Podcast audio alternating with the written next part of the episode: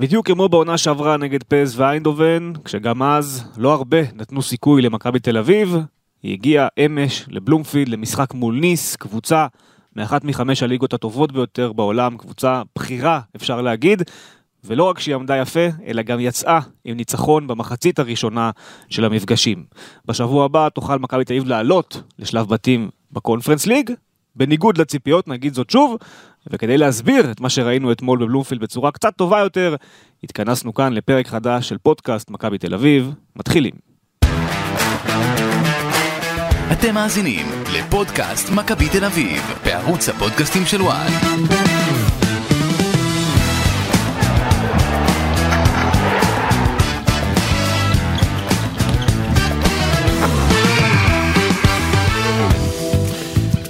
פודקאסט מכבי תל אביב, פרק חדש לסיכום המשחק נגד ניס, המשחק הראשון. אה, ואתמול אה, היינו בבלומפילד, ישבנו שם ביחד.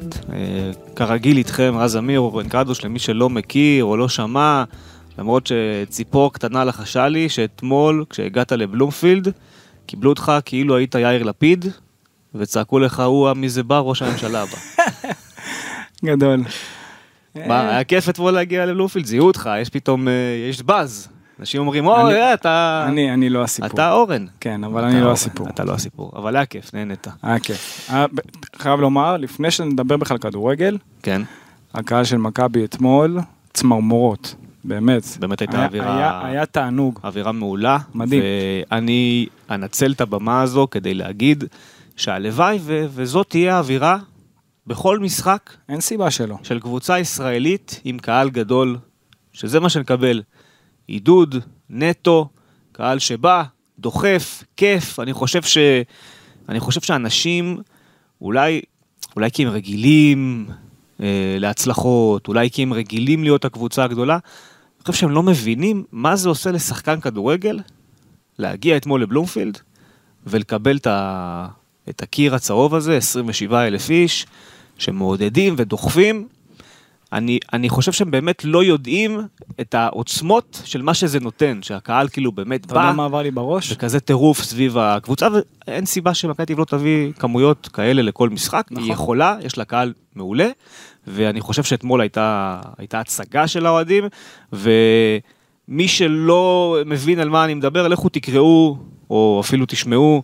את הרעיון של אה, יוריס ונוברם אתמול, שחקן שמגיע מהולנד וחווה את האמסטרדם ארנה וחווה אצטדיונים לא, לא קטנים, בוא נאמר כך. ותראו איך הוא מדבר על, על מה שהוא חווה, אני חושב שזה הלוואי והכדורגל הישראלי, יהיה לו עוד ועוד ועוד ועוד אה, ימים כאלה אה, של, של, של, של אהדה, של, של טירוף, אבל באופן חיובי, באופן נכון. טוב, נקי. אני חייב לומר לך, אבל כן. שמבחינה אישית שלי, מה שעבר לי בראש אתמול, זה שאני כאילו, לא שיכלתי לעשות משהו בדבר, אבל שאני מצטער שלא הייתי בזמנים שאבא שלי שיחק במכבי, וחווה את כן. את הקהל את הזה. הקהל. שהוא היה, אתה יודע, חמש שנים באליפות וזה, עם השחקנים הגדולים של שנות ה-70, כן. ואני רואה את זה ואני אומר, בואנה, תשמע, להיות חלק מהדבר הזה, זה כל שחקן שם, אתה יודע, זה ייקח את זה לכל החיים. כן, באמת שאני אני חושב שאתמול הקהל, זאת אומרת, אם אנחנו משווים מספרית, אז גם נגד פס ואיינדובן, במשחק ההוא, זו הייתה, זו הייתה התמונה, אפילו היו יותר אוהדי מכבי תל אביב, כי נתנו להם את כל 4-5, ואת הקהל של פס ודחפו ככה באחד היציעים של מכבי בכבוד לדעתי, כי הם הביאו באמת מאוד, מעט מאוד אנשים, אז היה הרבה יותר, היה כאילו טיפה יותר קהל של מכבי, מספרית, ו- והאווירה הייתה מטורפת, אבל יש הבדל כשהקהל מגיע לראות רק את מכבי תל אביב, מאשר אז, שהקהל גם בא בשביל לראות את ערן זהבי שנגדך, זאת אומרת, נכון. משהו בווייבים היה טיפה כזה, אתה יודע, כאילו ידעו שלצד המשחק יש עוד אירוע.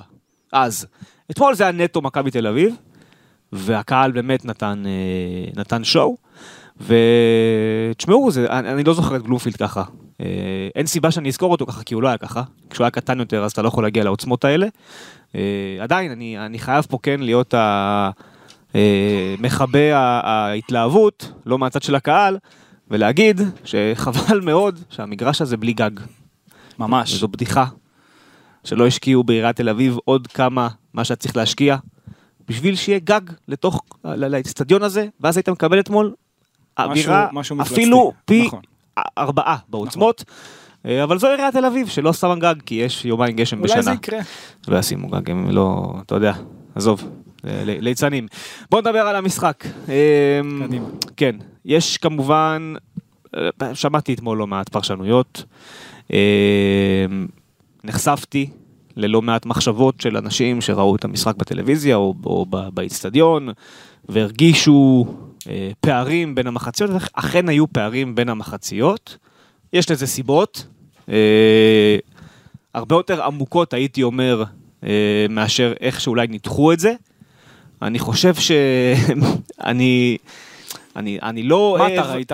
אני לא אוהב... אתה ישבת לידי. כן, אני, אני לא אוהב לדבר, אתה יודע מה ראיתי, כן. אה, אני לא אוהב לדבר על, על, על קולגות, אם כי יש אנשים שאני לא מחשיב אותם קולגות, ולכן לא אכפת לי להגיד מה אני חושב עליהם. אה, אני נחשפתי אתמול לחלק מהפרשנויות ש, ששודרו בטלוויזיה. אני מובך מאוד שזה השיח סביב המשחק, וזה קצת עלוב בעיניי, באמת, זה קצת עלוב בעיניי, המגמה הזו של לקחת שתי קבוצות ישראליות, או במקרה של אתמול אפילו שלוש קבוצות ישראליות, ובואו נשווה את זאת מול זאת מול זאת, מה הם עשו? במסגרות שונות, מול יריבויות שונות, באצטדיונים שונים, בתנאים שונים, ב- ב- ב- הכל שונה, אין שום קשר בין המשחקים, ועדיין ללכת ולהקיש, כי ההיא עשתה ככה, וההוא עשה ככה, ואלה עשו ככה, אז הם יותר טובים, ואלה פחות טובים, וההוא מעתיק מההוא.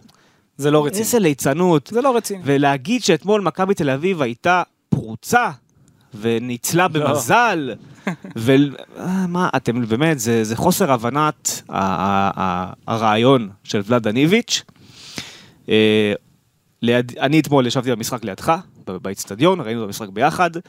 תוך כדי המשחק ראיתי אותך מלקט רשמים, וגם דיברנו על לא מעט מהדברים שאתה שמת לב. אחרי זה הלכת הביתה, ראית את זה שוב. אני, אני מאוד מתחבר לניתוח שלך, אני חושב שהוא ניתוח הרבה יותר נכון מאשר מה שהקהל נחשף אליו אחרי המשחק.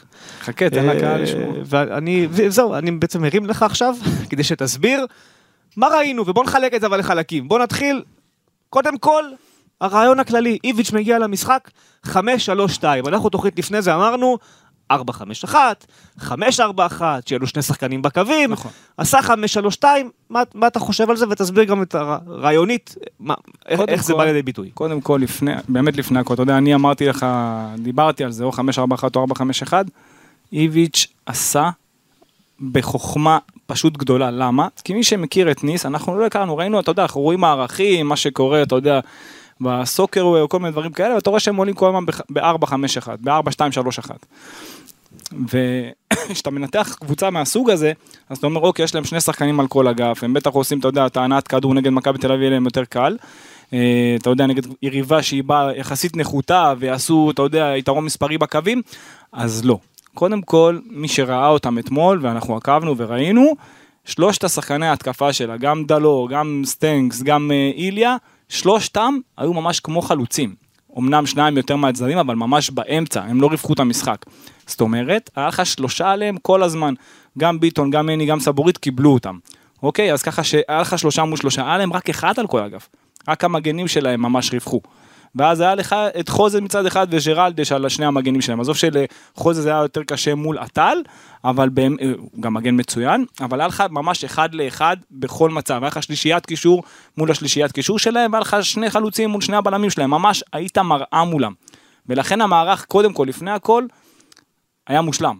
כאילו, אה, אה, מבחינה התקפית פחות, מבחינה הגנתית, אחד לאחד, כל הזמן חכם מאוד מה שעשה פה איביץ', ועל זה הוא ראוי לציון. מעבר למערך, אתה דיברת על המערך, מעבר למערך, אתה ראית שמבחינת המרחקים בין השחקנים, מבחינת הקווים, מבחינת הזוויות, לסגור, אתה יודע, זוויות מסירה, צמצום הפערים, הכל מבחינה טקטית, הגנתית, היה פשוט מצוין, באמת מצוין. בואו בוא נתייחס לאיכות של היריבה, לאיכות השחקנים. אוקיי, עזוב שהם פתחו בלי אה, בר, אה, בראימי ובלי גוירי. אבל עדיין, מבחינת איכות השחקנים האלה שפתחו על קר הדשא, גם בלעדיהם הם בכמה רמות מעליך. כאילו בוא, אנחנו הכי מציאותיים שיש. הם בכמה רמות מעליך מבחינת חומר שחקנים, אבל אתה ניטרלת את זה בצורה מצוינת. עזוב שהם כבר הגיעו על הדקות הראשונות לכמה וכמה מצבים, ודניאל פרץ היה מצוין. אבל uh, גם הלחץ הגבוה שלך, כי ידעת שהם עניים בכל מחיר, עבד לך נכון. הלחץ הגבוה שלהם זה עבד להם, כי גם אתה ניסית כאילו למשוך אותם ואז לייצר את האוכל, לא הצלחת לייצר עומק מספיק, ואני גם אגע בזה. וכל פעם שכבר הגיע באחד לאחד בקו, לחוזז או לג'רלדש, היה להם מאוד קשה לעצור בחצי תפנית. הם גם שמרו עליך יחסית נכון המגנים שלהם. זאת אומרת, מה זה נכון? כל פעם אני גם, כשאני מדבר איתך גם בשידורים וגם אתמול, שחקן הגנה הרי צריך לצופף הרי לאמצע, ועדיין להיות עם הפנים לשחקן. אם הוא כבר בקו של השחקן היריב, וכשהוא מקבל את הכדור זהו, הוא כבר קושר אותך, אתה כבר, אתה צריך לרדוף אחריו. אתה חייב להיות גם עם הפנים אליו, אבל גם לצמצם מספיק לאמצע, כדי שלא יחדור בחורים בינך לבין השחקן שאיתך, שלידך. אם אתה כנף שמאל, אז בין האמצע שמאל. שם אסור שיחדור הכדור, וגם שהמגן שלך מקבל להיות עם הפנים אליו. וחוזז עשה את זה טוב, חוץ מזה שהוא נתן כמה פעמים למגן שלו לקחת על הימין, ואת זה הוא היה צריך לסגור לו יותר. אז באמת שהסתכלתי באמת על כל השחקנים, טקטית, הגנתית, מצוין. איפה הייתה לך הבעיה בחצי הראשון, להבדיל מהחצי השני? המגנים שלך עמדו יחסית נמוך, הם לא לקחו את המגנים שלהם אה, כמו שצריך יותר אחורה, ואז הם נתנו להם את האפשרות ללחוץ אותך בקלות יותר, ולכן כל פעם נתקעת ב-30 מטר. והדבר השני, שזה היה מאוד, אתה יודע, ברור, וזה אני לא מבין איך אה, מבחינת האנליסטים של מכבי, איביץ' בעצמו, לא עשו יותר כדי אה, לתת תשובה להנעת כדור של מכבי בחצי הראשון, ש... כי כל פעם היית שמונה מול עשרה, ואני אסביר בדיוק מה זה אומר. היית שמונה מול עשרה, כי שני החלוצים שלך היו ממש בקו מסירה כל הזמן, גם של, של השני חמישים חמישים שלך, גם של קניקובסקי וגם של ונוברהיים. בפעמים היחידות שהם לא היו באותו קו מסירה, יש לך מין שילוב התקפה כזה, מי ששם לב ממש, שזהבי פתאום יורד מדרגה לקבל, וקניקובסקי נגיד הולך לעומק. עכשיו, אני אומר, אוקיי, אז זה שילוב התקפה מעניין, זה יפה. זה יפה, אבל לא עם השחקנים האלה. אני לא רוצה שקני, שזהבי ינהל לי את המשחק מאחורה, ואני מעדיף שזהבי זה שיסיים מול השער, ולא שקניקובסקי. אז כאילו, אז השילוב הזה יכול להיות מעניין אם זה אוסקר היה נגיד מקבל, והולך לעומק קניקובסקי או אפילו אה, זה, אבל עדיין עדיף לי שהחלוץ יסיים את המהלך. אז יש בו משהו יפה, אבל זה עדיין לא מספיק אפקטיבי עם השחקנים הללו של מכבי. אה, הייתי רוצה יותר לראות ש, כדי ש... הרי מה אמרת, אמרתי קודם שהם חסמו זוויות מסירה, 50-50 שלך חסמו זוויות מסירה לחלוצים. והייתי רוצה יותר לראות נגיד, הרי בחצי שלך, החלוצים שלך, זה לא אפקטיבי שהם עומדים באמצע מאחוריהם. עכשיו נגיד, אני אתן לך דוגמה, ג'רלדש עם הכדור, ונוברן בזווית מסירה, זהבי מאחוריו, זה, זה, זה לא אפקטיבי. צריך או לייצר יותר עומק, ממש לתת כדורים ארוכים, שככה שם את הגול גם אחר כך, או כדי לייצר אופציה של הנעת כדור, שהחלוצים בחצי שלך לפחות יהיו פרוסים יותר לקווים. ואז אתה מייצר פתאום, גם כשיש לך שני חלוצים, אתה ב-5-3-2, אתה מייצר יתרון בקווים. ששניים מול, מול אחד פתאום. וזה לא מספיק קרה, וכל פעם כשכבר יצא הארוך, אז פתאום ראית הארוך לזהבי, שהוא בא מהאמצע החוצה לקו. אז מה זה ייתן? אז הוא ירוויח את הכדור, יגיע לקו, ואז הוא יקבל את הפרס על הגב. עדיף שהוא יפתח על הקו בהתחלה בלי כדור, ואז שהוא יבוא לכיוון הכדור לאמצע. נכון. אתה מבין? אז כל הדבר הזה קרה קצת הפוך. בחצי השני זה לא השתנה, זהו, אבל מה קרה? בוא, בוא ניגע בחצי השני. אה, קודם כל, החצי השני מתחיל עם חילוף. אה, אופיר דוד זאדה מחליף את אה, מתן חוזז. מבחינת מכבי תל אביב, איביץ' גם אומר את זה בעצמו, וגם השחקנים שאחרי זה יצאו והתראיינו, אמרו שבעצם ההנחיות מחצית היו להמשיך לעשות את אותו הדבר, אבל טיפה לנסות לקבל אותם גבוה יותר. בדיוק. זאת אומרת שדוד זאדה וג'רלדש יקבלו את שני הכנפיים של ניס כבר בקו האמצע, ולא יחכו להם כמעין קו חמישה. זאת אומרת, שיהיה באמת שלושה בלמים, אבל שהמגנים יהיו בקו הקישור. ואז אתה כאילו מקדים את הלחץ, מייצר לחץ יותר טוב בשליש המרכזי, ויכול לדחוק אותם, לעשות דברים שהם בעצם, הרי אה, שחקן כן, כן כמו כן, סטנגס או אה, גווירי או מי שזה לא יהיה ששיחק שם מקבל את הכדור בקו האמצע, הוא לא יכול לרוץ לך 60 מטר עד השער, זה לא קורה. ו, וזה מה שאיביץ' בעצם מבקש מהם לעשות, ואז באמת מכבי מצליחה להרוויח הרבה יותר כדורים, כי ראית גם את ניס פתאום פשוט בהופעה לא טובה. אז זהו, שאני סתם דוחפת ראיתי, כדורים קדימה, ואז מכבי איבדה את זה מאוד מהר. זה, אני ראיתי את זה איתך ביחד, ואני כן. ראיתי את זה טיפה אחרת. ניס נתנה לך לשחק. גם, נכון. ניס בחצי השני לא לחצה גבוה. זה ההבדל. תסתכל עכשיו, בוא נראה את המשחק שוב, אנחנו נראה. בחצי הראשון לחצו אותך, לא נתנו לך לצאת מה-30 מטר. בחצי השני הם רצו לתת לך לשחק. זה לא שנגמר להם הכוחות, זה לא שאתה פתאום וואו איזה שליטה, איזה זה. כן, המגנים שלך היו טיפה יותר גבוהים, אבל זה גם הרבה קרה כי פתאום הם שמרו שליש מרכזי, למה? הם רצו לגרום לך לטעות, להניע כדור, הם ידעו שאתה ב-5 על 2, קשה להניע כדור ב-5-3-2 דרך המרכז, הרי יש לך רק שחקן אחד על כל אגף, וזה לא שיש לך שחקן אגף כמו גוסנס ואטבור, יש לך, אתה יודע, את, אה, במקרה הזה זה היה דוד זאדה בחצי השני וג'רלדש, מבחינה התקפית פחות, אה, אתה יודע, יכולים לעשות את ההבדל. והם אמרו, טוב, בוא ניתן להם לצאת, בוא ניתן למכבי לצאת קדימה, ואנחנו נעשה את המעברים. כן. כי גם הם היו צפופים, גם השלישיית התקפה שלהם הייתה צפופה. אז אמרו, בוא אנחנו נעשה את המעברים. יש בזה משהו חכם. העניין הוא שאתה לא איבדת כדורים. נכון. היית בסדר גמור עם הכדור, חוץ מאיזה עיבוד אחד, וגם זה היה בחצי הראשון של ביטון שמה.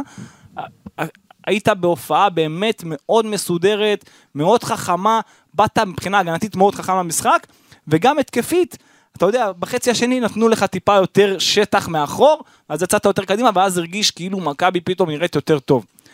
בסופו של דבר, מה שכן היה השינוי, שאיך שאני ראיתי, אם זה בעקבות מה שהשחקנים החליטו לעשות, אם זה הוראות של איביץ', זה שפתאום כן יצרת טיפה יותר ריווח, אבל דווקא דרך שחקני הקישור, זאת אומרת או קניקובסקי, או גולסה, אה, או ונוברן בעיקר, פתחו יותר לצדדים. ומה שרציתי מהחלוצים שיקרה בחצי ש- של מכבי, אז קרה דווקא מהקשרים, אז כן הצלחת לייצר פתאום שניים מול אחד בקו, וזה כן עזר למכבי מבחינת הנעת הכדור. עדיין, זה לא שהגעת למצבים מהנעת כדור. הגעת למצבים או ממעברים וגם לא מי יודע מה, והמצבים הכי טובים שלך, המצב הכי טוב שלך, היה בכדור ארוך ששירן החליט לתת, ויובנוביץ' עם הירידת מדרגה, ואז פריצה עם התנועה, גם נדבר על זה. אבל בסופו של דבר, זה דבר שבמערך הזה אתה צריך לדעת מה הכוח שלך. אם אתה לא מייצר, מה אני... תמיד אני אומר שאתה צריך לדעת מה יש לך מבחינת כלים, ואלו הכלים הכי טובים שיש לך גם כן מול איזו יריבה. כן. אז ניטרלת אותם הגנתית מצוין, עכשיו מזה מה אתה עושה משהו יותר טוב עם הכדור, אתה צריך לרווח יותר את המשחק כמו שקונטה היה עושה תמיד באינטר, שהיה לוקח את לוקקו ביחד עם חכימי וברלה בצד, ואז מייצר שם שילוב התקפה. כן. ובחצי שלו, בחצי של היריבה לוקקו היה חלוץ שפיץ, זה מה שהיה צריך להיות יותר במכבי אתמול, אבל... והדבר הנוסף הוא, שאתה צריך לדעת מה הכוח של המערך הזה, מעבר למעברים, זה הכדורים ארוכים. נכון. גם על חשבון עיבוד כדור. כן. ראית, בסופו של דבר ככה ישר, יותר כדורים ארוכים. היו גם כמה נפילות שככה, זהבי ב- בדיוק. לא פספס כדור שם שדנטה, שטודיבו הרחיק לו טוב, והיה כדור שדנטה הרחיק לו טוב ויובנוביץ' ככה, בדיוק. ונתקע במסירה בסוף, התבחבש קצת בדיוק. בחוזז שלא נתן את הפס. בדיוק, ועכשיו אני ואתה דיברנו בתחילת המשחק ואמרנו הנה עכשיו זהבי פותח והכל ואני אמרתי לך תקשיב בסיטואציה של עכשיו כל חלוץ, כל חלוץ ש... ב... מה... מהשלישייה בין אתה יודע זהבי יובנוביץ' ופריצה כל אחד מהם שיעלה מחליף יהיה לו הרבה יותר קל במיוחד נגד הבלמים הללו דנטה המתבגר וטודיבו אבל כי בהתחלה הם טריים, הם פרש, ראית, זה, זה היה קשה מאוד לשחק איתם. אבל אחר כך, ככל שהתקדם המשחק, מי שהיה נכנס מחליף וטרי, זה בא לטובתו, ראית את זה גם במשחקים הקודמים של מכבי תל אביב עם זהבי, ועכשיו ראית את זה עם פריצה. יש לך כוח מטורף בחלק הקדמי. באמת, מבחינת החוד, החלוצים שלך. אתה חייב לדעת שלא משנה מי תשים כאקס פקטור מהספסל, זה עושה את ההבדל. זה היה זהבי, אתמול זה היה פריצה עם נגיעת אומן ותנועה אדירה. כן. אז ככה שבאמת, את זה צריך לנצל, ואיך תנצל את זה הכי טוב? משחק עומק. כשאין לך כנפיים, אתה יודע, ברמה שציפית שיהיו עכשיו במכבי, עומק, עומק, עומק, גם על חשבון עיבוד כדור. הפוך, תתחיל כאילו בהנעת כדור, תמשוך את היריבה עליך ותן חטא של 50 מטר, 60 מטר, גם על חשבון עיבוד. תתיש את היריבה פעם אחר פעם אחר פעם, בפעם אחת שזה יעבוד זה היה שווה שעה. רק נמסגר נגד ניס, לא... אנחנו לא מצפים לראות נכון, את זה. בליגת העל, זה אני משהו מדבר, אחר. שוב, דיברנו, כן. עכשיו אנחנו מדברים על אירופה, זאת ניס, היריבה, נכון. אנחנו לא... כן. ובוא, דיברת על הישראליות, קודם כל, כל הכבוד לכולן. כן. זה בגלל זה- תענוג, אגב, בגלל זה אני אומר... תענוג נכון, לראות את אבל מה שקורה כרגע. למ- למה אני אומר, למה הדגשתי זה נגד אבל ניס? זאת היריבה הכי טובה. נכון, לא משנה, הרמה הכי גבוהה. אני לא רוצה, זה, תשאיר את זה לזה, אין בעיה, הכל טוב. אני, למה אני אומר, אני- למה אני אומר, אני, למה אני מדגיש שמה שאתה אומר נכון למשחק נגד ניס, וגם היה נכון למשחק נגד אריס סלוניקי לצורך העניין, כי אי אפשר לקחת את המשחקים האלה ולהסיק מהמשחק נגד ניס, שמכבי תל אביב לאורך העונה לא תוכל לייצר שילובי התקפה. לא, ממש או לא לא. תוכל להשתחרר מלחץ. גם זה לא יהיה המערך הזה. זה ברור, זה, הכל, הכל יהיה שונה, בגלל זה אני אומר, אתם צריכים להבין, וגם, אגב, גם ברק בכר בחיפה, וגם ברדה בבאר שבע, הם עושים דברים מאוד מאוד ספציפיים, נקודתית, ליריבה, כי זה המפעל, אתה יש לך שני מפגשים, אתה צריך לעבור אותם. אתה יודע כמה אתה אני- מתכונן רק לזה. עכשיו, אתה לא אומר, אה, רגע, אם אני אשחק עכשיו נגד קריובה במתפרצות, מה אני אעשה נגד אשדוד? מה זה קשור? הוא מתכונן לאשדוד ככה, ולזה ככה. זה לא מקיש על הליגה בשום צורה, ומי שעושה את החיבור הזה בכוח, הוא פשוט שרלטן. זה הכל. נכון, אבל אתה יודע, אני באופן אישי פחות אוהב מערך עם שלושה בלמים. באופן אישי, בסדר. פחות אוהב, נכון. אבל אני חייב לומר, אני חושב שגם איביץ' אגב פחות אוהב. נכון, אבל הוא יותר יודע, אתה יודע, הוא הוא יותר משלב הוא את זה. צריך, נכון? אבל אתמול זה היה סופר הכרחי גם במיוחד שהוא בא אנדרדוג. הוא חייב ממש להתאים את עצמו ממש מראה ליריבה, וזאת המראה הכי נכונה שיש. אי אפשר לצייר את זה אחרת. כאילו אם עכשיו נעבור אחד על אחד, גם דיברנו על זה ממש, זה ממש אחד לאחד, הוא עשה עבודה, באמת, בא חכם מאוד למשחק בנושא הזה.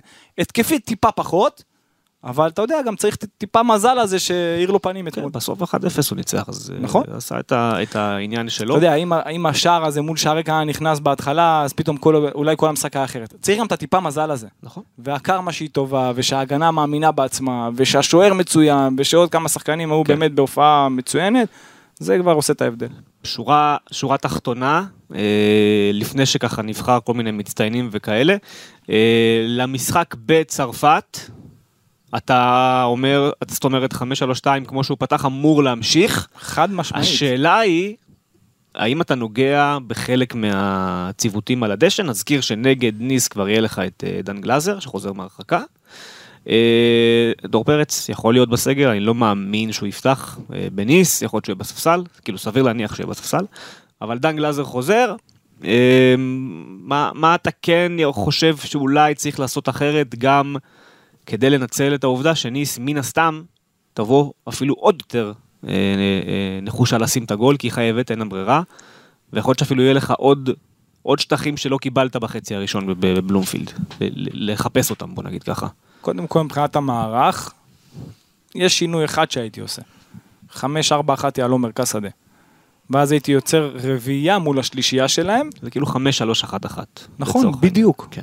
ואז הייתי יוצר רביעייה מול השלישיית קישור שלהם, זאת אומרת נגיד אתמול אה, זה היה למינה, טורם ורמזי, אז שלא יהיו רק אה, ונובר, רם קניקובסקי וגולסה, אז עוד שחקן, שיהיה בין לבין, שלא לא צריך של, שני חלוצים למעלה שעומדים, אוקיי? שהם פחות, ששניים פחות שעושים הגנה. שיהיה לך בדיוק השחקן הזה שדיברנו שיוכל לברוח. הצידה ולעשות את ה... בדיוק, ושיהיה. התקפות. אני הייתי, אני הייתי מכניס אחד כמו פרפה או אוסקר לעמדה הזאת, אוקיי. אוקיי? שפחות חלוץ, עוד שחקן פרפה מסוים. נכנס אתמול מדהים ל- זה. מה שבאתי לומר, הוא היה מצוין אתמול, אני גם לא פוסל שהוא ייכנס דווקא לפני ונוברהיים. כאילו, ואז תוסיף גם את גלאזר לשם, כן. ואז בכלל, כי גלאזר למשחק כזה, זה. הוא צריך, בצרפת הוא יהיה... כן. אני לא יודע אם כשש שמקבל מהבלמים כמו גולסק הוא היה מצוין אתמול, דווקא כשמונה לצד קניקובסקי, ואז בחילוצים ובפרס כשצריך, ואתה יודע, בדברים האלה של הנגיעה שתיים, מצוין, מצוין. אני מדבר על שש שמקבל כן, כן, מבחינה התקפית.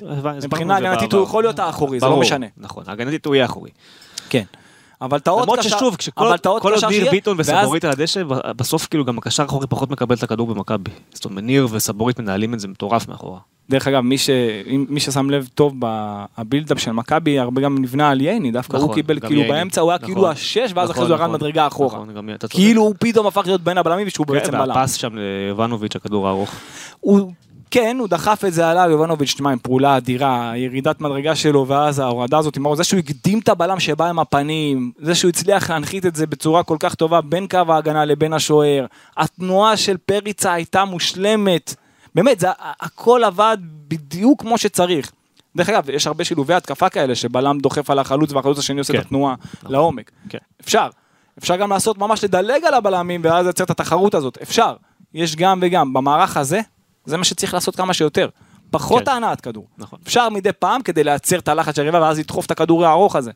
אין מה לעשות, נגד יריבה כזאת מהסוג הזה, אתה צריך לייצר עומק כמה שאפשר, כי שם הכוח שלך. נכון. טוב, אה, בואו נבחר אה, מצטיינים. השחקן המצטיין, הפעם אני נותן לך להתחיל. בכל פרק אני בוחר את המצטיין ראשון, ואז אתה אומר, אבל אני רציתי. אז עכשיו תבחר אתה את המצטיין. טוב, אם אני אבחר, אה, יש, יש, לי, יש לי שלושה, אבל אחד שהוא באמת מעל כולם, כי זה שחקן שהוא יכול לשחק שם בהרכב, בניס. זה ניר ביטון. תשמע, קור הרוח שלו, הנוכחות שלו, הפס שלו, הוא כמו, אני כל כך אוהב בלמים שהם עם אופי של קשר, כי הוא קשר במקור הרי, הוא גם יכול לשחק גם כשש.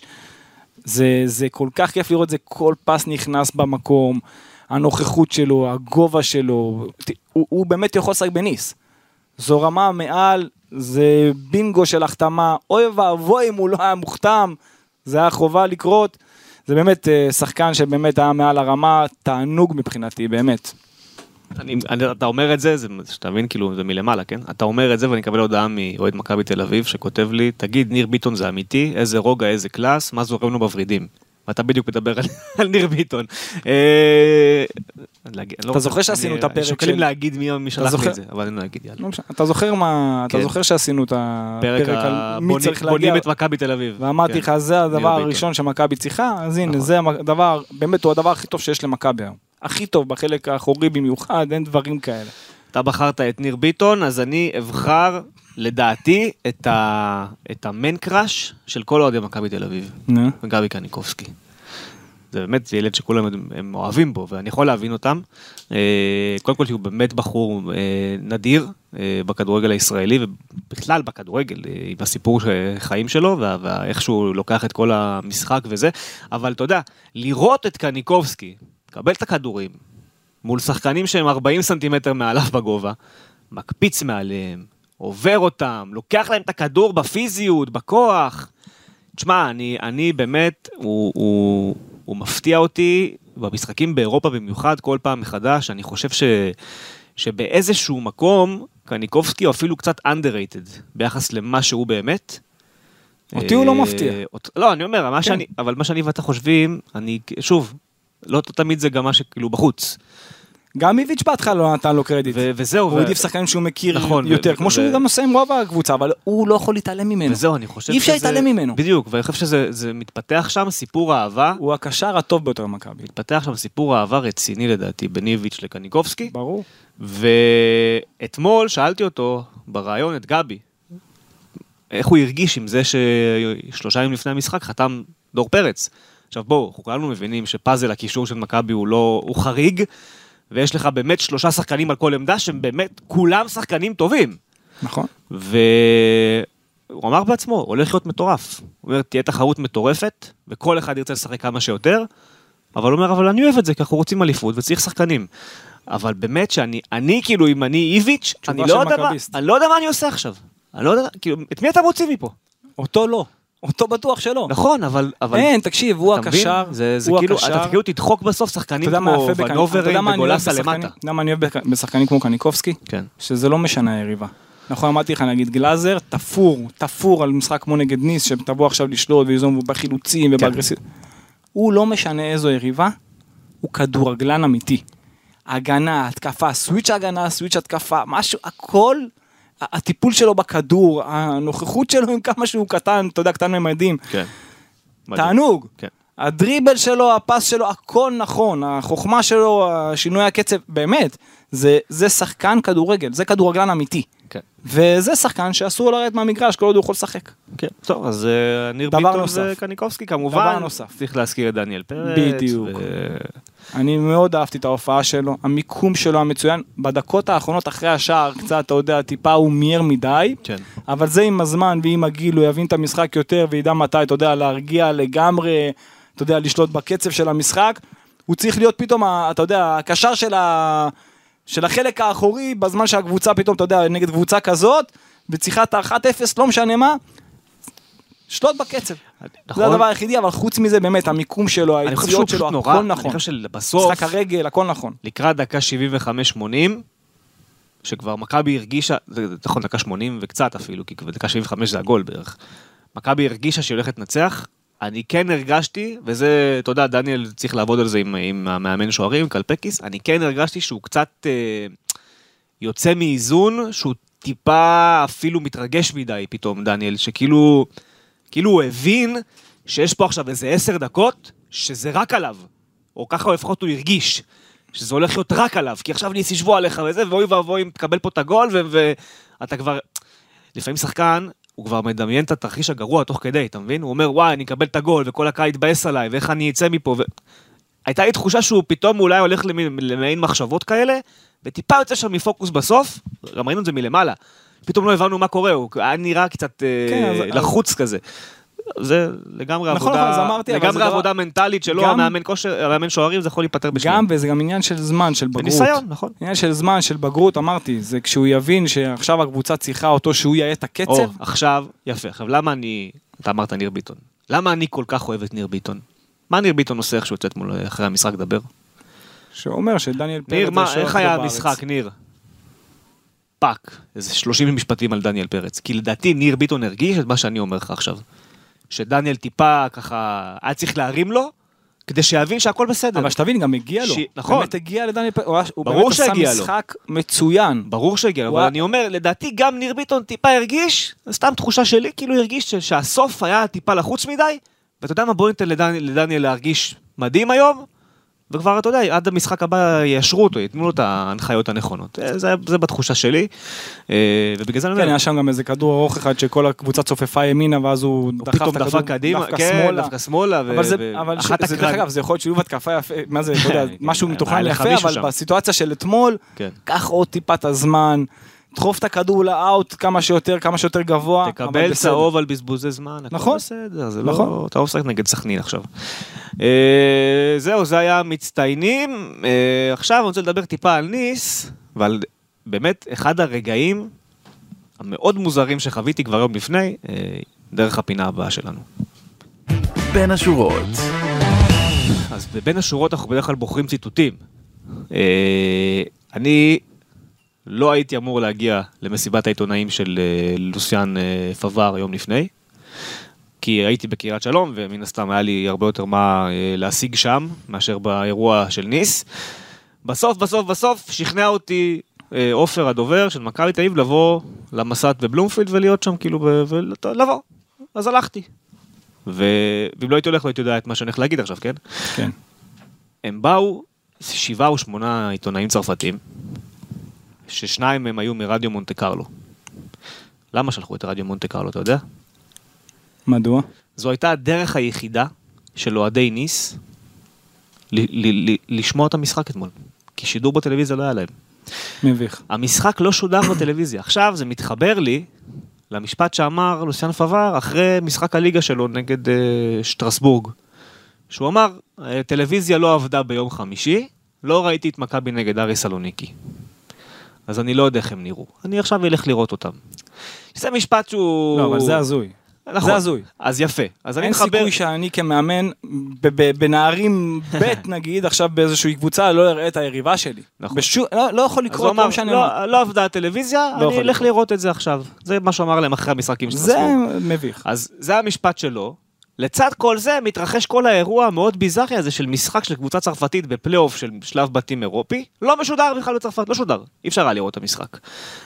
ואני חוזר לפודקאסט הקודם שעשינו לקראת ניס, שאמרתי לך שלדעתי זה 60-40 לניס, כי יש לי תחושה שהם באים מזלזלים. עכשיו, אני לא חושב שהם באו מזלזלים, אבל אין ספק שכל האווירה סביבם מאוד מאוד מאוד מאוד שמה "אמ" על המשחק הזה. אתה מבין? זו הגישה. עכשיו, זה, זה, בסוף זה מחלחל. נכון. אין מה לעשות, זה מחלחל.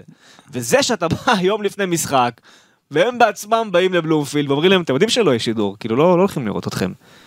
שאת, אני, אני חושב שזה באותו רגע ממש הוריד להם. אתה יודע, לניס, לפבר ולדנטה שישב שם, ואני בטוח שהם גם הלכו אחרי זה ודיברו על זה ביניהם באימון, שכאילו, מה, אה, אנחנו לא מעניינים? לא מראים אותנו? מה, זה עד כדי כך לא מעניין המשחק הזה? קודם כל אתה צודק. לדעתי זה הנמיך אותם באיזה 20-30 אחוז למטה. אתה צודק, אבל אני דווקא רוצה לגוע במשהו מקצועי לגבי המאמן. הרי הוא עשה משהו אחד חכם, אמרתי לך שהוא רצה שזה יהיה חכם, לחכות נמוך קצת יותר למכבי ולצאת הוא למעברים שזה לא עבד לו, הוא גם לא ייצר עומק, בכלל, הוא ניסה כל הזמן להניע, הוא מצד אחד ירד נמוך אבל הוא לא ייצר עומק, הוא רק ניסה, אתה יודע, להזיז את הכדור מרגל לרגל. מצד שני, אתה, אתה רואה את המערך של מכבי. הוא, הוא פעם אחת לא חשב לרווח את המשחק עם הכנפיים שלו.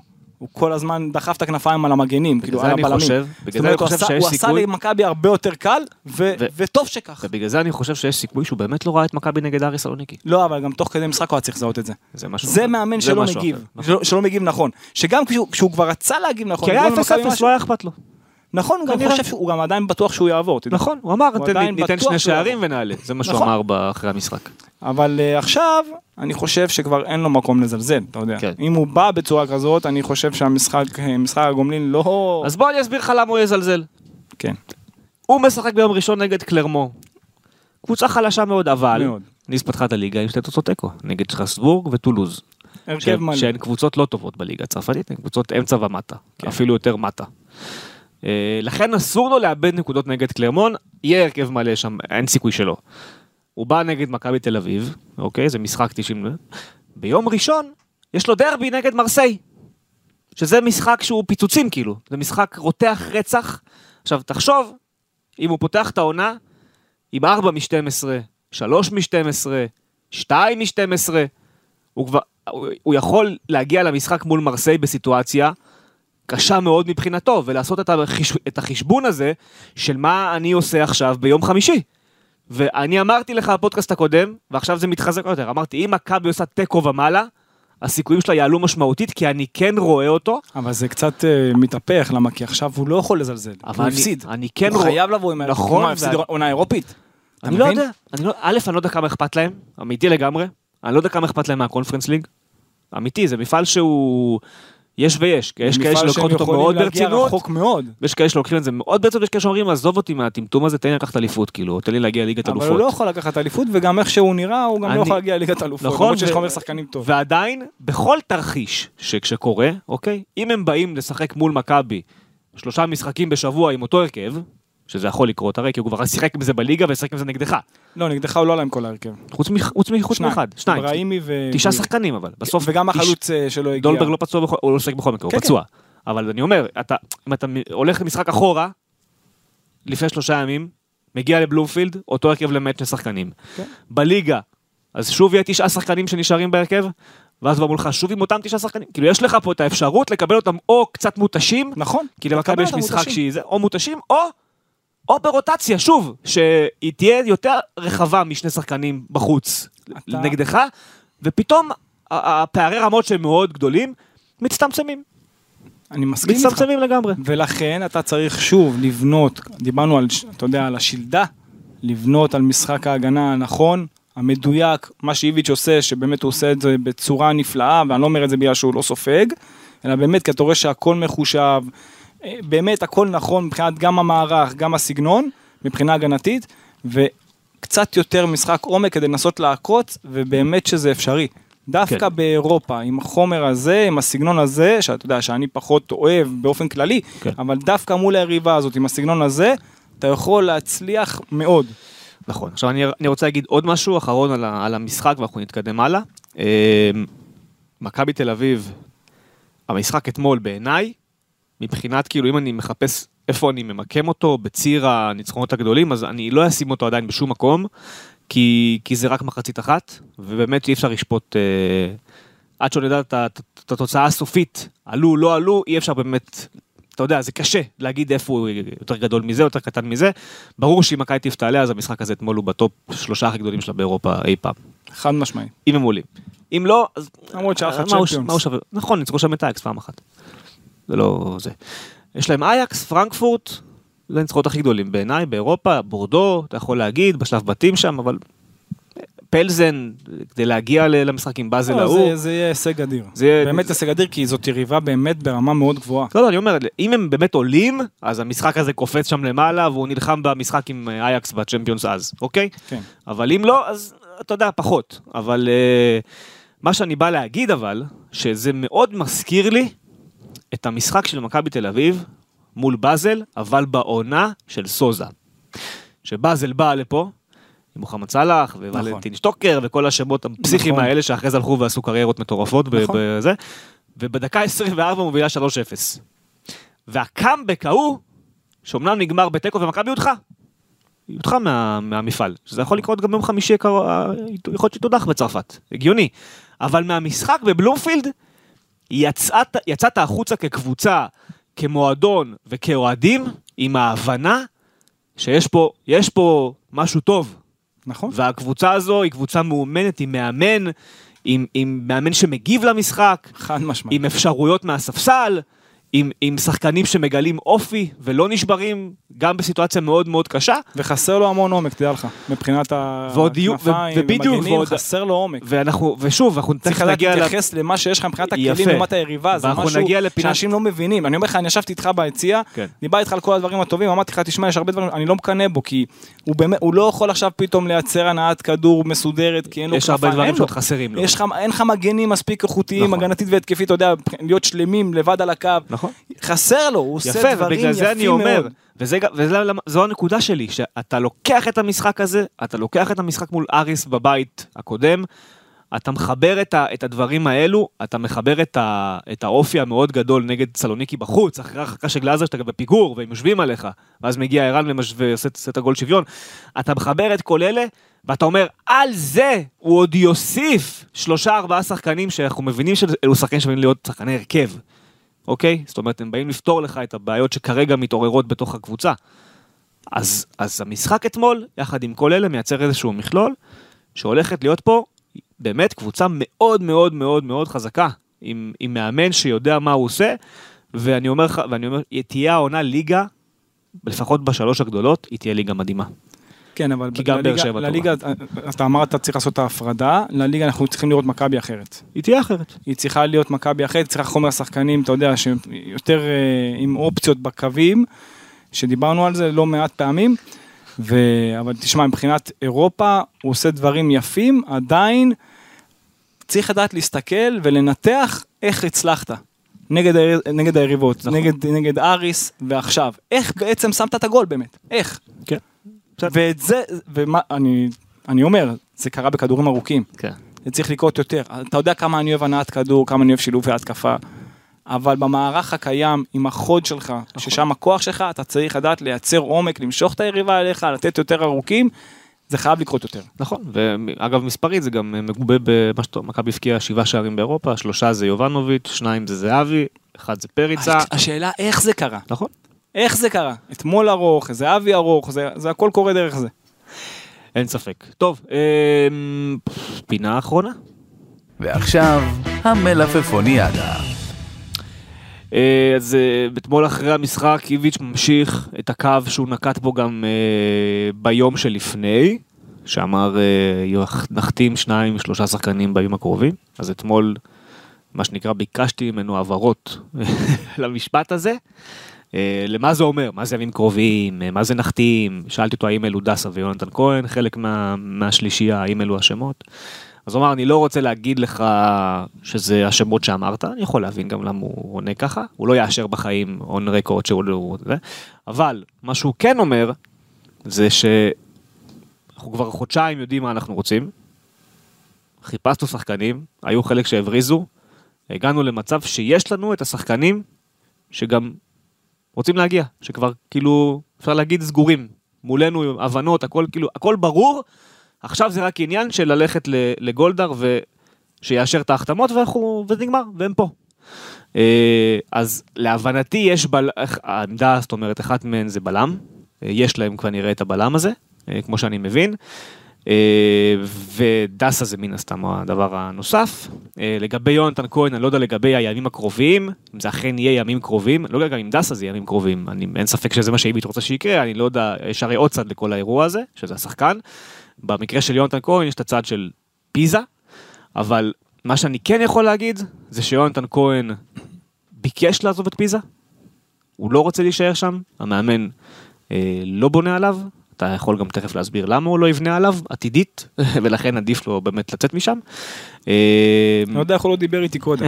כן, ובשורה התחתונה, זאת אומרת, בנק המטרות הוא, הוא דסה, או מגן ימני אחר, אם לא תהיה ברירה, אז אמרנו כבר שיכול להיות שהם יביאו מגן ימני זר, אם לא תהיה ברירה, ואנחנו מבינים גם אתמול למה, שוב, אה, בקטע ההתקפי, בכל אופן עם ג'רלדש. אה, גם הוא גם לא להיט, הוא לא אבל... להיט, אבל הוא בסדר, הוא הוא כן, בסדר. הוא חמוד. הוא בסדר. סביר. אה, בלם, שמן הסתם אמרנו, יהיה בלם, ואז סבורית יהיה מגן שמאלי. אה, אה, ו- ו- ומה רציתי להגיד, יונתן כהן, זה הדבר השלישי, והדבר הרביעי שבאמת יכול לקרות, ואני חושב שהם ינסו, אולי הם כבר עשו את זה ואני לא יודע, זה ווינגר אחר במקום אה, קובאס, ואז אתה מייצר פה את הקבוצה, שיכולה לשחק את ה-4-3-3 שאתה מדבר עליו, ויכולה זה לשחק את השלושה. בלמים, ואת היהלום, ויכולה לשחק בכל מערך שאתה רוצה בעולם בערך, עם הארסנל שחקנים שלו. זה בדיוק מה שהיא צריכה. ולפני שתסביר לי על יונתן כהן למה הוא צריך לחזור, או למה אתה יכול לקבל את זה שהוא חוזר, כי מקצועית באמת אין לו מה לחפש בפיזה עונה, וצריך שאנשים יבינו את זה לפני שהם מקטינים אותו ויורדים עליו, באמת אין לו מה לחפש בפיזה מקצועית, נסביר. בגלל השינויי מאמנים שעשו נסביר. שם. כן. אגב, גם עונה שעברה, אותו מאמן משחק גם בלי כנפיים. גם עונה שעברה היה לו מקום בפיזה. אם הוא- והוא אמר בעצמו, אם הייתי, אם הייתי עושה שיחה עם המאמן לפני, הייתי יודע שאני לא יכול, שעדיף לא לגשת לשם. הוא אמר את זה בעצמו בפודיום. נכון.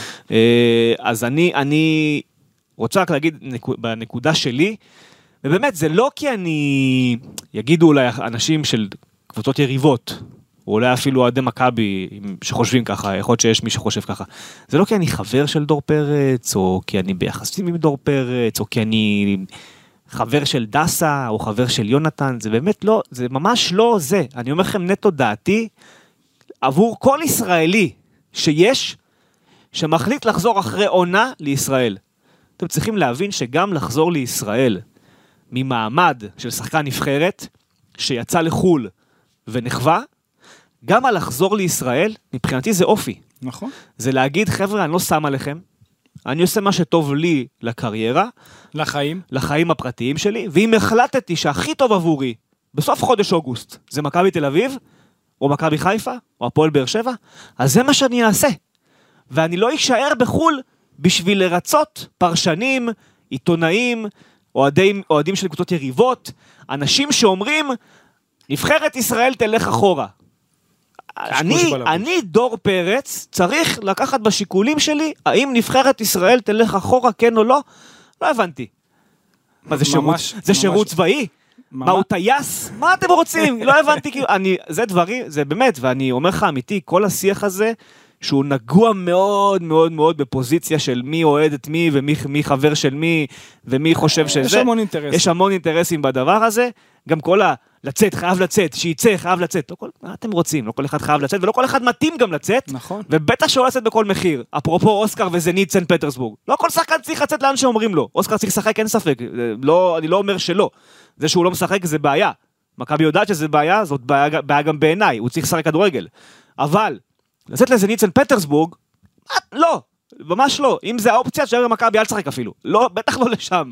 להיקבר ברוסיה, ואיך תאלף אותי לך בגיל 19-20. הקריירה שלך יכולה להתפרק. אז אני אני אומר, מסכים. צריך גם, באמת, גם בדברים האלה, להבין גם את הצד השני. ודור פרץ הלך לליגה גדולה, הליגה השלישית בגודל שלה, אפשר להגיד. בטופ שלוש. אתה טוען שיותר משלוש? לא, אחת, בשתיים שלוש. אוקיי, סבבה. הליגה השנייה, השלישית, כל אחד לפי איך שהוא אוהב כדורגל. כן. אה, הלך לשם, נחווה בטירוף. מזכיר לכם שהוא הגיע על תקן, המאמן אמר לו, אתה... אמר לא רק לו, אמר גם בחוץ. זה השחקן המוביל שלי, וזה הבנקר, והשחקן ששילמנו לו הכי הרבה משכורת. אה, וכל, וכל שבוע שעבר, הוא חתם עוד קשר, ועוד קשר, ועוד קשר, ועוד קשר, עד שכבר אמרנו בסוף אוגוסט, הוא לא ישחק פה. כאילו, ידענו את זה. אני, אני ואתה כאילו כשדר שדר פרשן שבאים לשדר את דור פרץ בוונציה, ידענו שהוא לא ישחק. זה היה ברור שהוא לא ישחק. ואחרי טעות אחת נגד נפולי, מחזור פתיחה הוא נגמר, אין, לא היה יותר דור פרץ. אז הוא אומר לעצמו, אני עכשיו אקח... והוא היה ראוי לשחק, אני חייב לציין. נכון. היה ראוי היה לשחק. בהרכב של ונציה, כאחד שקצת חובב ומשדר, אתה יודע, ליגה איטלקית. לחלוטין. היה חייב לשחק, היה לא פחות טוב, כי גם כשעובדה שהוא הוחלף המאמן, הוא שיחק והיה מצוין. נכון. אז, אז הדור פרץ אומר לעצמו, עכשיו אני אלך לבלקפול, שזאת ליגה שנייה בכלל, כדי לרצות אנשים שאומרים הכדורגל הישראלי, ומעמד ה- הליגיונר, ומעמד הנבחרת, תגידו, על מה אתם מדברים? אתם פעם הייתם בבלקפול.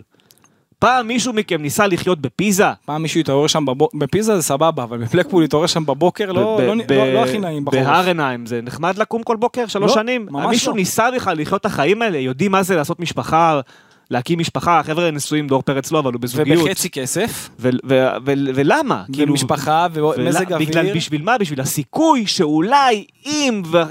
דור פרץ, אני מחזיק ממנו אדם מאוד אינטליגנט. חייב להגיד הוא גם לך. כזה. מאוד אינטליגנט בעיניי.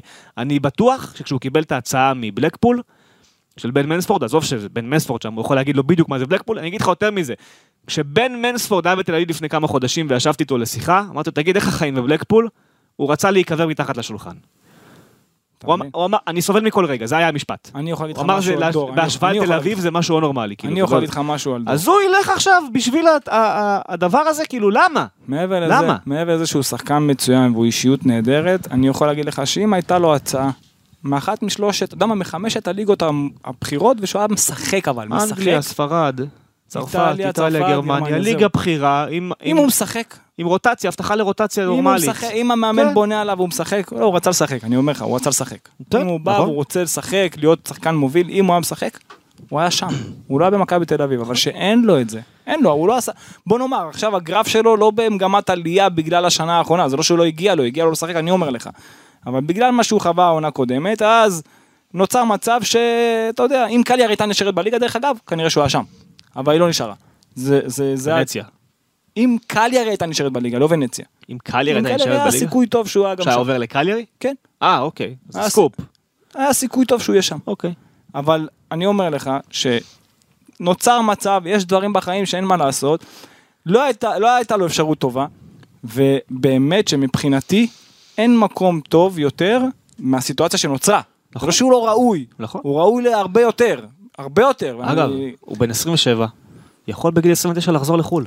ייני יצא בגיל 30. יכול, יכול, אבל זה יכול. לא, פ- יכול, אבל זה לא פשוט, ואם הוא כבר, אתה יודע, רוצה להתקדם בחיים, משפחה ועניינים והכל, עכשיו מכבי תל אביב, יכולה להיות חלק, מ- אתה יודע, ממפעל אירופי כזה או אחר בשנים הקרובות. ואין ספק. לא רק עכשיו, בכלל בשנים הקרובות. אין ספק. להיות שחקן מוביל, זה גם עתידית קדימה לחשוב, לא רק כשחקן. אבל אני, אני אומר, ראינו שחקנים חוזרים למדינות שלהם בגיל 27, ובגיל 30 חותמים במדינה אחרת. דברים ש... הרי גם אתה כישראל מביא לפה שחקנים בני 30 שעזבו את המדינה שלהם. נכון. כאילו זה יכול זה לקרות. לא, זה לא בכל מחיר ללכת לשחק בחו"ל. נכון. זה, ככה זה- אני חושב. נכון, אני מסכים. אבל כאילו זה, זה לא אומר שנגמר לו החלום האירופי, ואני אני אומר לכם שוב, השיקול, וגם אם כן, זה לא דבר רע. השיקול של טובת הנבחרת, לא, אוקיי? לא. אז שלא ישחק בנבחרת, איך אני איתך? לא שאלון חזן ייקח שחקן אחר שמשחק בחו"ל, בסדר? איזה בסדר, שטויות, נו. שיש- שהוא לשחק במכבי תל אביב, להגיע דרכה לנבחרת, זה לא פחות משחק לא, עם כל הכבוד, זה גם כדורגל אחר דרך אגב, זה. כדורגל שפחות הנעת כדור, פחות חכם, יותר בומים קדימה, ואותם הדברים ויש אמורים... יש לכל דבר יתרון וחיסרון. ואותם הדברים אמורים גם לגבי אלי דסה, שצריך לקבל את ההחלטה האם הוא באמת חוזר, אני חושב שהוא חוזר. אה, אני גם, אני גם כן רואה את דסה מבקש להמתין עד השני לתשיעי, או איזה כמה ימים לפני, לא יודע, 30 לאוגוסט, בשביל לראות האם בכלל יש איזשהו פתח להשתחל, אתה יודע, ברגע האחרון לקבוצה בליגה גדולה. אני לא חושב שזה גם- יקרה, זה, זה, גם לגביו, אין ואני- סיבה. ואני מאוד אוהב את אלי, ואני חושב שהוא מגן מצוין, והוא ראוי לאירופה, כן. אבל אם אין לו הצעה, שהוא יודע שהוא הולך להיות מגן מוביל בקבוצה מהטופ 5 באירופה מבחינת כן. הליגות, אין למה. בשביל להישאר. בהולנד לעשות 300 אלף יורו בחודש. בדיוק, ובכפול כסף, ומזג? אוויר, ומשפחה, וחברים, ואיכות חיים, שזה לא פחות חשוב, אל תשכחו, מדובר בבני אדם. לא, גם, חבר'ה, האנשים האלה בגיל גם לחיות 34 גם. נגמרת הקריירה, אין כסף יותר. אנשים הוא גם, צריך גם לחיות ולהרוויח. ותוך כדי, בן אדם גם רוצה איכות חיים. נכון. אז אה, וכשהוא עושה גם מבחינת השכר, הוא משדרג את עצמו, אז אין סיבה לא להיות פה. ואותו הדבר לגבי יונתן כהן, ועכשיו תסביר למה. יונתן כהן בפיזה לא יכול להישאר. קודם כל, אמרת גם אשתקד, אבל העונה, הוא קיבל על הראש שלו את רולנדו מרן. אני לא יודע אם אה, המאזינים שלנו מכירים, אבל רולנדו מרן אימן כמה שנים, דיברנו על קליירי, אימן בקליירי ובעוד כמה מקומות. עזוב שהצליח יותר, פחות, הייתה לו מין הצלחה כזאת אה, של חצי עונה בקליירי, אבל לא משנה מה, לא משנה מה, אם זה מבחינת פילוסופיה של הנעת כדור או כדורים ארוכים, המערך שלו לא השתנה מעולם. ארבע, שלוש, שתיים, אחד, עץ האשוח שאתה כל. כך אוהב, בדיוק. אבל זאת אומרת ששלושה קשרים אחוריים, שני שחקני עשר וחלוץ אחד. זאת אומרת, אין ליונתן כהן מקום במערך הזה. לכל שחקן כנף אין מקום במערך אין הזה. לו מקום, המקום היחידי שיכול להיות זה כעשר, וזה לא, זה לא האידיאל עבורו, לא. או כמגן, וזה לא, זה לא האידיאל עבורו, זה לא, זה לא התפקיד שלו. ולכן, הוא מדבר איתי גם, ושואל אותי עליו, או בכלל, מכיר אותו קצת, עושה עליו טיפה עבודה, אני מבין שאין לו מקום שם. כל ההכנה שם לא מספיק טובה. אם הוא רוצה להישאר באיטליה בליגה שנייה או במקום אחר, אה, הוא חייב לעשות את המהלך הזה של לזוז משם, כי כל עוד הוא שם, אין לו סיכוי לשחק ולהראות מה הוא שווה. הוא לא יכול- הוא לא יכול להראות מה הוא שווה. לא. הרי הוא כווינגר צד ימין, עם החיתוך פנימה, עם הסיומת שלו, עם הזה שלו, המ- לא לא יכול לעבוד. גם כווינגר צד שמאל שיש לו את היכולת גם אה, מצד לשחק שמאל, לא. משנה, אין ווינגר, אין ווינגרים. אין ווינגרים אצל מרן. בדיוק. אין. אין כנף, אין שחקן התקפה בכנף. לא קיים דבר כזה. נכון, גם אם היה לו, גם אם היה לו בקליירי, אז הוא הזיז אותו לתפקיד אחר. נכון. זאת אומרת, הוא לא, זה לא, זה לא יפיק את המקסימום ממנו. ולכן הוא צריך לעשות את המהלך הזה ולעבור. אם זה למקום אחר באיטליה, אם יש לו, למרות שגם הוא, לא, אתה יודע, במומנטום טוב אחרי העונה כן. הקודמת. על פי, על, פי ה, על פחות. פי הסוכן שלו, אה, הוא ביקש ממנו לא- להחזיר אותו לישראל, למכבי תל אביב, וזה, וזה פשוט עסקה שאני אני רק אומר, כאילו גם אם עכשיו זה לא יקרה ביומיים או שלושה הקרובים, אל תנ... כאילו, לא למהר להסיק מסקנות, פיזה מן הסתם אה, תחזיר במרכאות למכבי תל אביב על היחס שלה כלפיה בעונה שעברה. מזכיר לך שמכבי לא ענתה להם למיילים, אז הם יחזירו גם למכבי באותו מטבע. נגיע לסוף חלון, הם לא רוצים לי, לי, הם לא רוצים את יונתן כהן, הם לא רוצים להישאר איתו, הוא רוצה ללכת, בסוף כל הצדדים צריכים לעשות עסקה, תהיה עסקה. אני פשוט אומר, אל תתפלאו אם היא תקרה ככל שנתקרב האחרון. לקראת סוף ספטמבר חלון אפילו. עד מתי, עד מתי אה, מבחינת האיטלקים? 27 לתשיעי זה ישראל, אה, אוקיי. שני לתשיעי איטליה. אני אומר, אל תתפלאו אם הדברים יתחילו לקרות בספטמבר. זה מה שאני אומר. ואתה יודע, ייקח שבוע, שבועיים, תקשיב, אם הוא חכם, הוא בסוף יהיה פה. לא, אם הוא חכם, עזוב עכשיו, אה, זה כן. מה שהקבוצה תרצה, הוא- והוא יודע להפעיל לחץ. נכון, הוא. כבר עשה את זה, איך הוא יצא מפה? הוא יודע להפעיל לחץ מצוין. אוקיי, הוא צריך להבין שבאמת, ואני רוצה שהוא יצליח גם שם באיטליה, אני באמת רוצה שהוא יצליח, אני מאוד אה, אוהב את הבחור הזה. בסדר. הוא צריך לזוז משם כי הוא לא יש. לו שנתיים פחות על דור פרץ, הוא, הוא כן יכול לחזור אגב, בעיניי. שנה, שנה פחות מדור כן, פרץ? הוא 96 והוא 95. אוקיי, אז, אה, בסדר, גם הוא יכול בתיאוריה לחזור לחו"ל, אם ירצה, ואם לא, שישאר פה. כן. אה, דולב חזיז זה שחקן ליגה מדהים, אני לא יודע אם הוא יכול לעשות קריירה בחו"ל. נגיד. לפעמים, זה כאילו, אתה יודע, זה נכון. מה יש. נכון. גם אבי נימני הגדול יצא החוצה, חזר, ועשה פה קריירה מבחינה פיזית ענקית. פשוט אה. אה, אני חושב שכל הישראלים מבחינה פיזית הם אה, בבעיה, כשהם יוצאים החוצה, וראינו את זה אגב אתמול, אתה, רואה, הפיזיות של ניס, העוצמות, על לעצור כדור, יוצאים מן הכלל. חריגים מאוד מאוד. דרך אגב, דור פרץ יכל להצליח, כי מבחינה פיזית אין לו שום בעיה. לא. אתה מבין? זה בעמדה שלו. לא הבעיה הייתה. לגמרי, כמו שאמרת. מרן, זנטי פשוט שרף אותו. נכון. החליט לשרוף אותו, והוא באמת היה יכול להיות מוביל בוונציה. אה, נסיים בדיבור על ריינה, אה, מחזור פתיחת העונה, כן. מכבי תל אביב נגד ריינה, יום ראשון, מכבי תל אביב אתמול, בוא נסביר רק את כל האירוע הבא- הבאמת מביך של הכדורגל הישראלי, מה שקרה אתמול.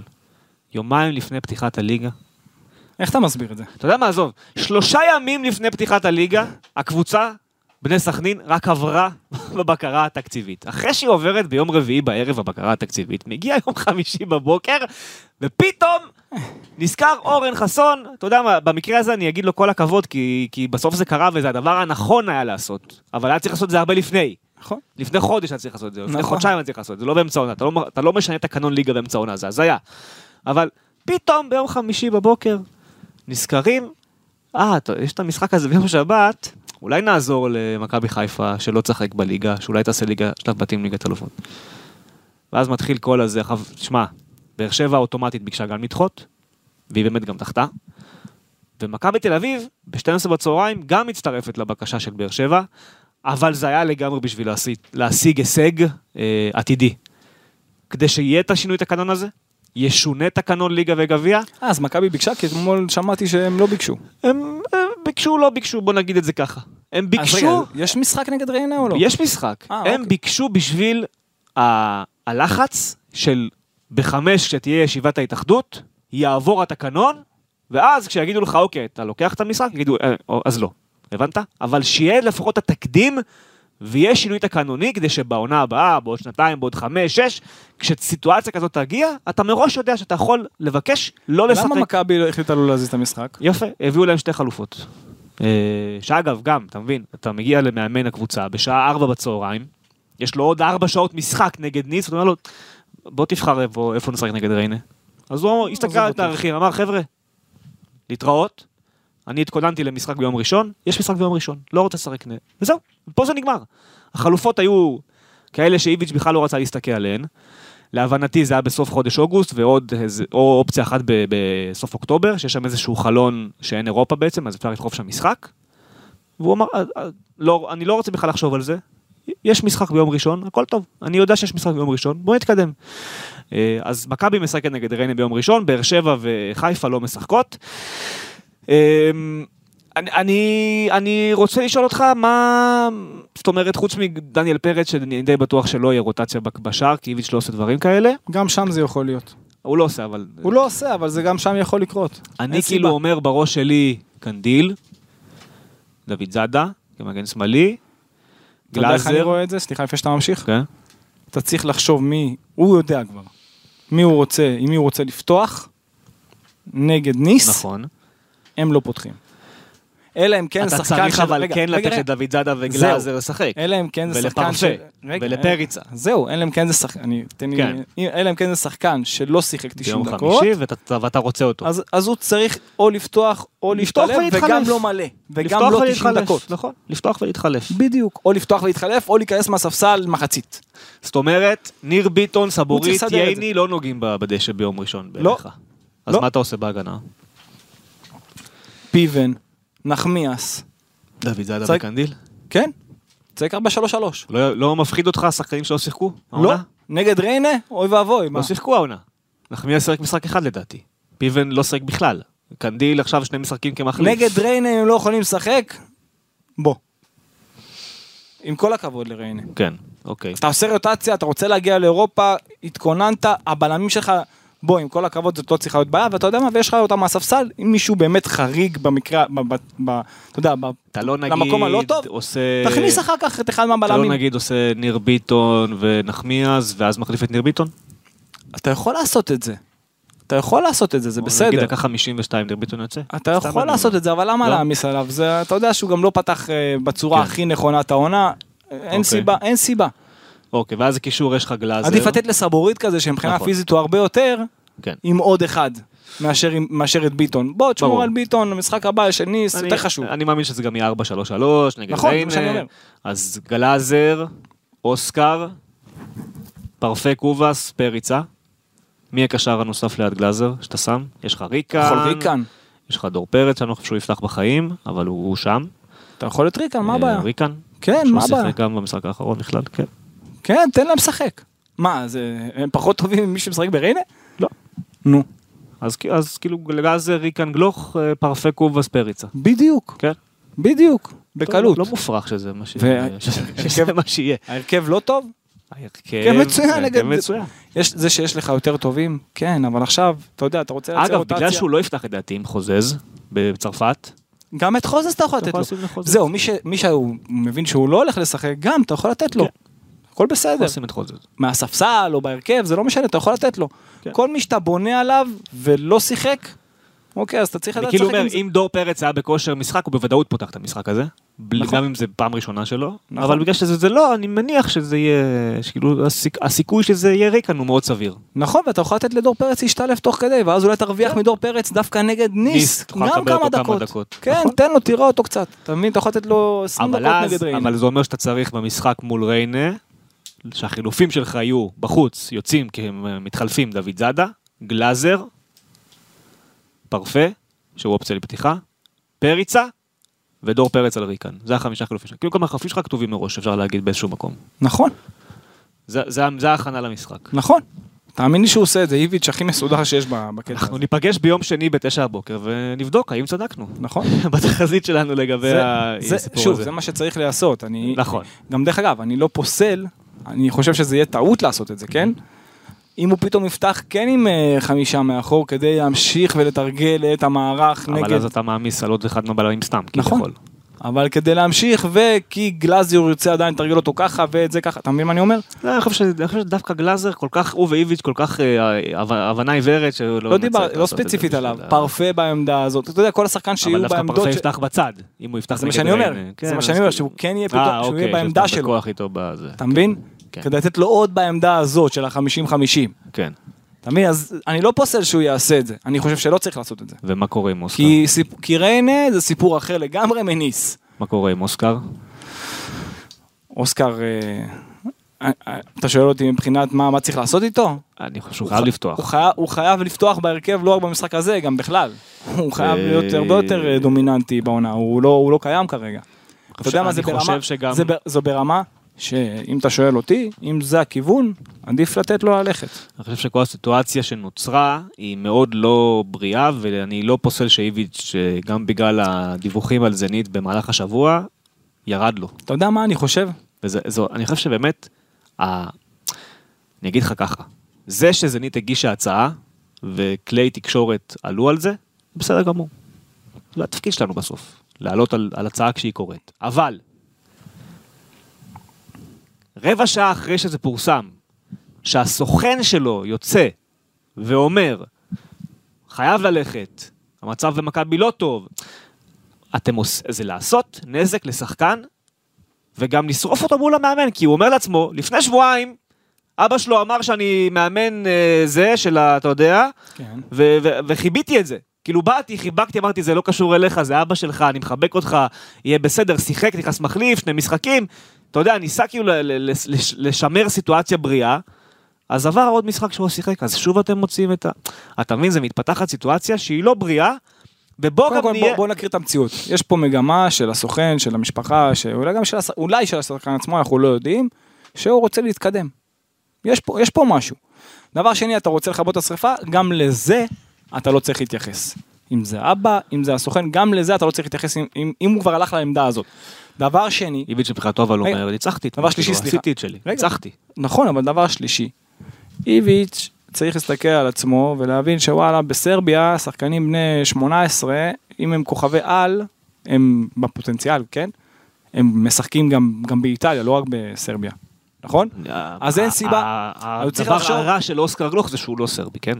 הוא לא זר. לא, לא, אני לא משנה, אני אומר עוד קשה פעם, לו, קשה לצאת הוא צריך מדרכו. להבין שדווקא מהמקום שהוא בא, אוקיי, זה- כן. זה- זה- זה הכרחי לתת לשחקן כזה נכון, לשחק. אבל יכול להיות שאיביץ' אומר מבחינתו, בראש הוא אומר, אני רוצה את אוסקר על המגרש מול בני ריינה, אבל מה, אבל אתם עכשיו גומרים אותו שבוע לפני, הרגתם את הילד, כאילו, אתם, אתם, אתם הורגים לי אותו, הוא כבר לא מגיע מפוקס, לא לאימונים, לא למשחקים, כל השיח הזה הוא לא טוב, הוא לא בריא, ואני אגיד לך יותר מזה, הדבר הכי גרוע, אני חייב אחרי זה... הדבר הכי גרוע, כן. זה, זה שאתה משקר. ההצעה של זנית היא לא 4 מיליון יורו, היא 2 מיליון יורו. ומכבי לא תמכור אותו ב-2 מיליון יורו, ואוסקר יודע את זה, והסוכן שלו יודע את זה. זה 2 מיליון יורו, ואז עוד מיליון וחצי וקצת באוויר. אם יסיימו ככה, ואם ייקחו ככה, ואם הוא אני לא יודע ישחק אם זה ככה בכלל דקות, המקום הנכון עבורו. יש שם שחקן, ועזוב את זה שזה לא המקום הנכון עבורו. שחקן בעמדה שלו- ב- ששווה 30 מיליון. נכון. עזוב שזה לא המקום הנכון עבורו. קודם כל, הליגה עצמה כרוסיה, נכון. אתה צריך להיות מאוד מאוד מאוד מאוד אמיץ בשביל לעשות את זה, ואתה בן 18, אתה לא אמור לעשות את זה בגיל 18. אתה צריך לבחור את היד שלך בצורה הרבה יותר חכמה. על לצאת הזה בכוח הוא לא נכון עבורו, ועל להתעסק בזה בכוח זה גם לא נכון עבורו. ואם כבר אתה הולך להביא הצעות, תביא את ההצעה שהמועדון מבקש, המועדון רוצה חמישה מיליון, שישה מיליון, שבעה מיליון, תביא לו את ההצעה הזו, ואז תלך תגיד, תמכרו, תמכרו. אל תביא שתיים ותגיד, יאללה, תשחררו אותו, זה שתיים. זה, זה גם בעיה, ההתנהלות פה התנהלות תפוקה. אני, אני רוצה לדבר אבל על השחקן מעבר להתנהלות. אתה אמרת שזה מוציא אותו מפוקוס, או אתה יודע, כל מיני דברים אני לא יודע, אני, אני אומר זהו. מה שאני, מה שאני יכול רק. להעריך. אז אני יכול להגיד לך משהו על מה. שאני מכיר. כן. מה שאני מכיר. הוא כבר, הוא אשתקד הרי, שיחק רוב העונה בנוער. שנה לפני זה הוא שיחק בנערים א'. תאמין לי שהוא ידע, אני בעצמי אמרתי לך לא מעט פעמים, שהוא שווה הרבה יותר, ולא ראיתי אותו אף פעם במשחק לא מפוקס. שהוא לא 100 אחוז. באמת. אני אומר עכשיו לטובתו, אני כל הזמן, הוא הגיע, הוא לא הגיע לשחק בנערים לפני, לפני שנתיים, הוא היה צריך להיות שחקן נוער לפחות, אם לא שחקן בוגרים בליגה שנייה, לפחות, לפחות.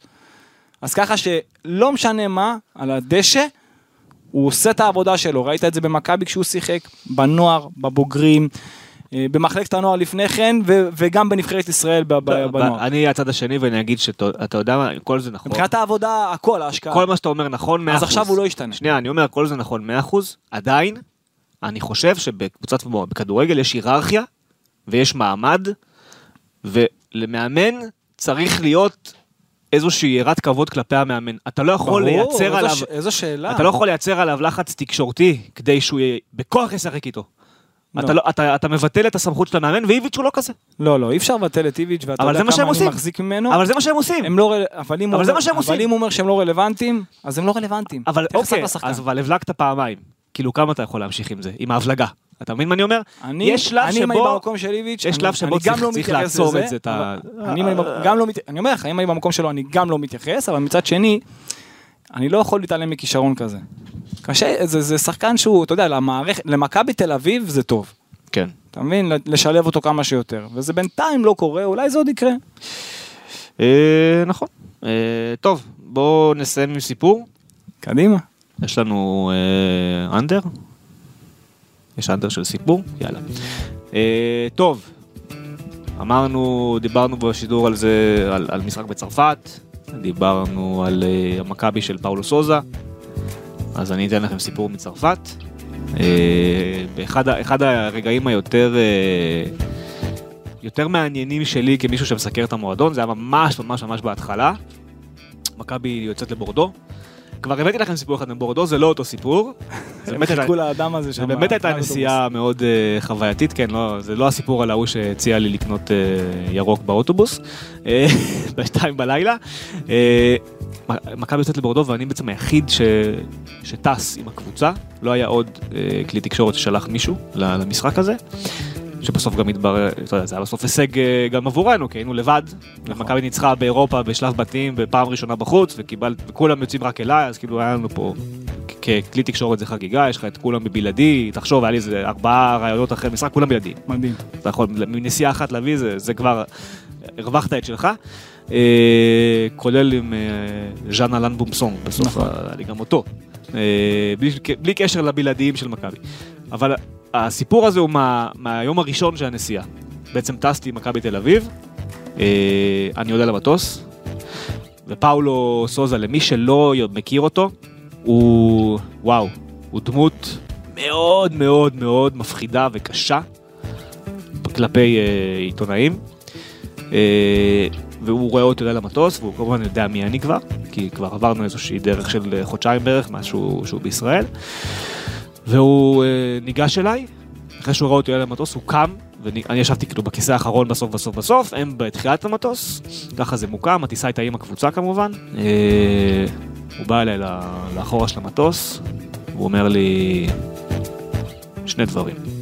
אם אתה קם תוך כדי הטיסה ומצלם פה דברים במטוס תוך כדי, אתה רחוק אצלי, הדבר הראשון.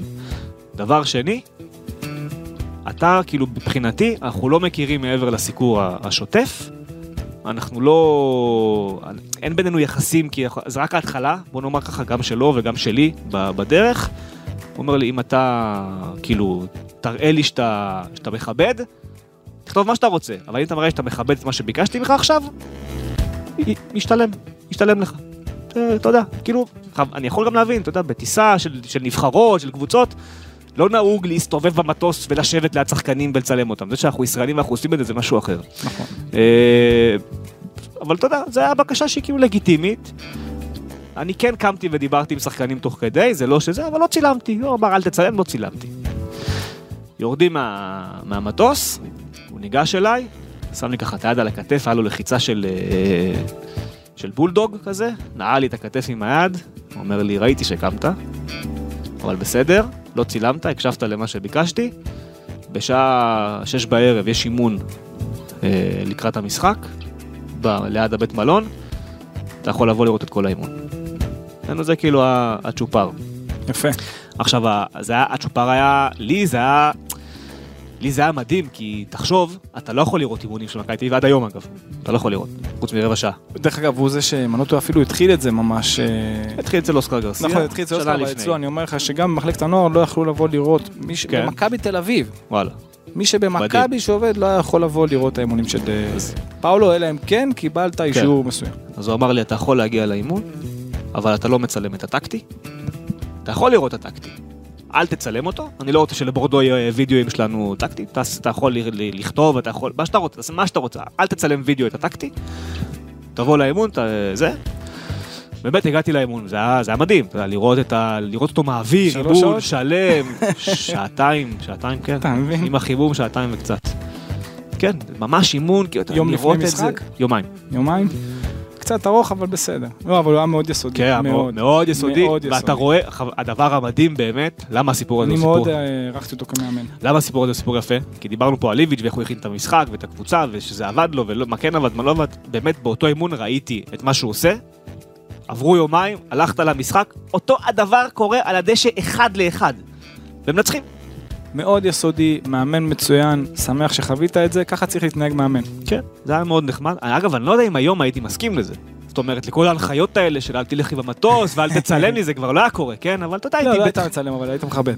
גם היום. אה, אני לא, לא, לא נראה שהיו מבקשים את זה בכלל, אני חושב שהוא די ניצל את העובדה שאני חדש, והוא חדש, ואתה יודע, בוא ננסה לבנות איזשהו שביל, כן. אתה יודע, זה התן וקח של ההתחלה. נכון. היום זה לא יכול לקרות, בטח לא עם איביץ' שאנחנו כבר אה, עונה זה.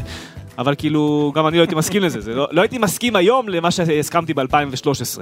אבל, תשמע, אז משתנים. בשביל חודש, חודשיים בתפקיד, אה, לקבל את ההצצה הזו, ואתה יודע, זה היה מאוד כיף. אה, וזהו, זה היה הפרק להיום. אה, מה, מה נגיד? אני רק רוצה להעביר פה איזשהו מסר לכולם. הבנתי שאנחנו מאוד חזקים בגוגל, ב, ב, סליחה, באפל פודקאסט ובספוטיפיי, שכאילו החבר'ה יודעים שיש פרק. הם רשומים כבר, עשו מנוי. אז מי שעוד לא עשה, יש לכם את האפשרות להוסיף את הפלוס הזה, שנהיה בהתראות שלכם, כשיוצא פרק תקבלו, יקפוץ לכם התראה, יצא פרק חדש, ואז תהיו תמיד מעודכנים, לא תצטרכו כאילו להיות תלויים בפלטפורמות אחרות בשביל להבין שעלה פרק. שימו את הזה, תנו גם דירוג יפה. אנחנו נשמח. כן, ואם אתם רואים את אורן בבלומפילד, אז תעשו איתו סלפי. איזה שטויות. יאללה, אורן, תודה. היה כיף, ושיהיה בהצלחה. אה, אנחנו ניפגש, קודם כל אנחנו ניפגש ביום שני. כן, קודם כל, קודם ריינה. כל שם. קודם כל מחזור ראשון ליגה זה לא פחות חשוב, אחר כך אירופה. תענוג. אז אה, יאללה, ניפגש בקרוב אה, מאוד. תודה שהאזנתם, להתראות.